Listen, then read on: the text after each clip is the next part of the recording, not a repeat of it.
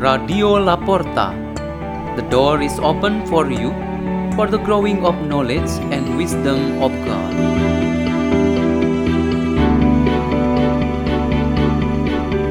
By Ryan Koordi from the Church of St. John Bosco, Jakarta, Indonesia.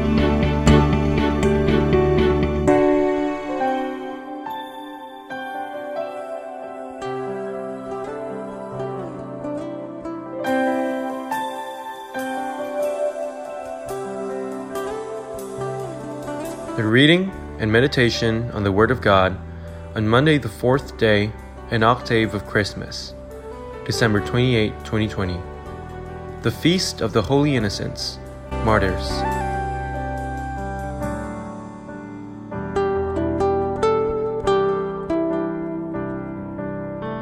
The reading is taken from the Holy Gospel according to Matthew, chapter 2, verse 13 to 18.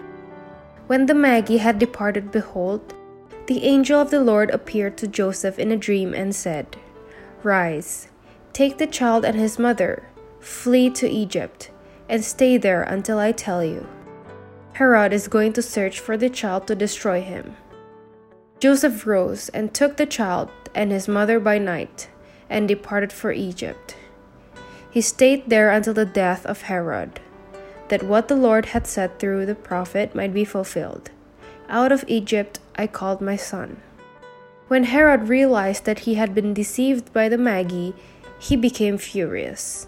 He ordered the masters of all the boys in Bethlehem and its vicinity, two years old and under, in accordance with the time he had ascertained from the Magi. Then was fulfilled what had been said through Jeremiah the prophet. A voice was heard in Ramah, sobbing and loud lamentation. Rachel weeping for her child, and she would not be consoled, since there were no more. The Gospel of the Lord.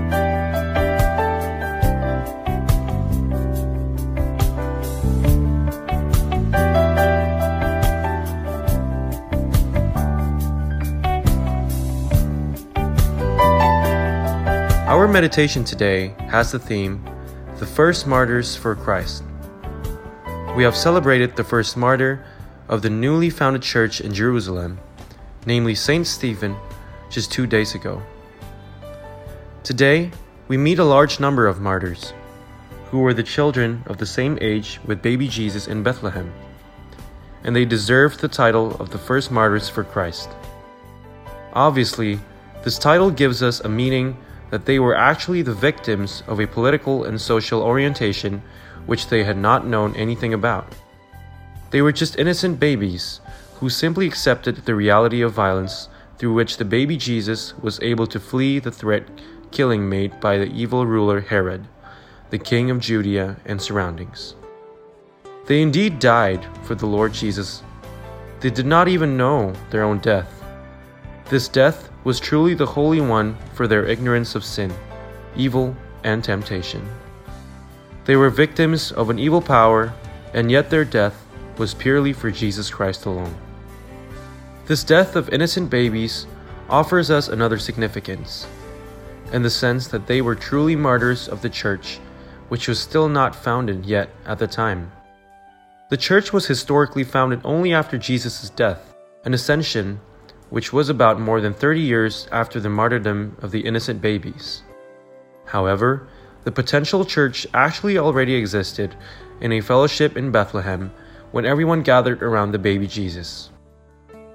Those innocent babies bore witness of the cross for the church, as they were put to sacrifice themselves. This surely explains how the cross is absolutely necessary for all who are with Jesus Christ. They were babies who didn't know the joy and sad, the good and the bad of this world. But because they died for Christ, they actually occupied the highest position in the Christian faith. They had provided a way for Christians about how to defend the faith, to sacrifice for God, and to die because of Jesus Christ, which is the highest calling to every follower of Christ. We are familiar with the slogan that says in this way there is no crown without cross. This is a perfect reflection of what Jesus Christ had gone through. Through his own experiences of suffering, humiliation, and death on that cross, we achieve victory and glory. His death did win life, and certainly eternal life for all of us. His blood, shed for us, is the power for the remission of sins and gives way for our reconciliation with the Heavenly Father. How many times have we experienced a victory over sin and evil? And how many times we have been forgiven and we rejoice so much because of it? These are the very special experiences of faith that teach us about every happiness is just after the experience of real suffering of martyrdom and death itself. Let us pray. In the name of the Father, and of the Son, and of the Holy Spirit. Amen. O Lord Jesus Christ, help us to carry our crosses with joy, so that we can carry out your will with sincerity. Our Father, who art in heaven, hallowed be thy name. Thy kingdom come, thy will be done, on earth as it is in heaven. Give us this day our holy bread, and forgive us our trespasses, as we forgive those who trespass against us. And lead us not into temptation but deliver us from evil. Amen. In the name of the Father, and of the Son, and of the Holy Spirit. Amen. Radio La Porta. The door is open for you.